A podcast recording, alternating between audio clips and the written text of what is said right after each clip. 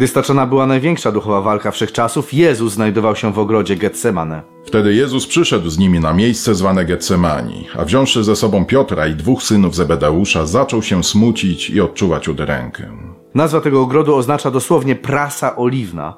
Gdy wyciska się na przykład sok z winogron, to można to zrobić nawet swoimi palcami. Nie tak jest z wyciskaniem oliwy. Aby wydobyć oliwę, trzeba użyć dużego ciężaru. Dopiero wtedy oliwa wypłynie.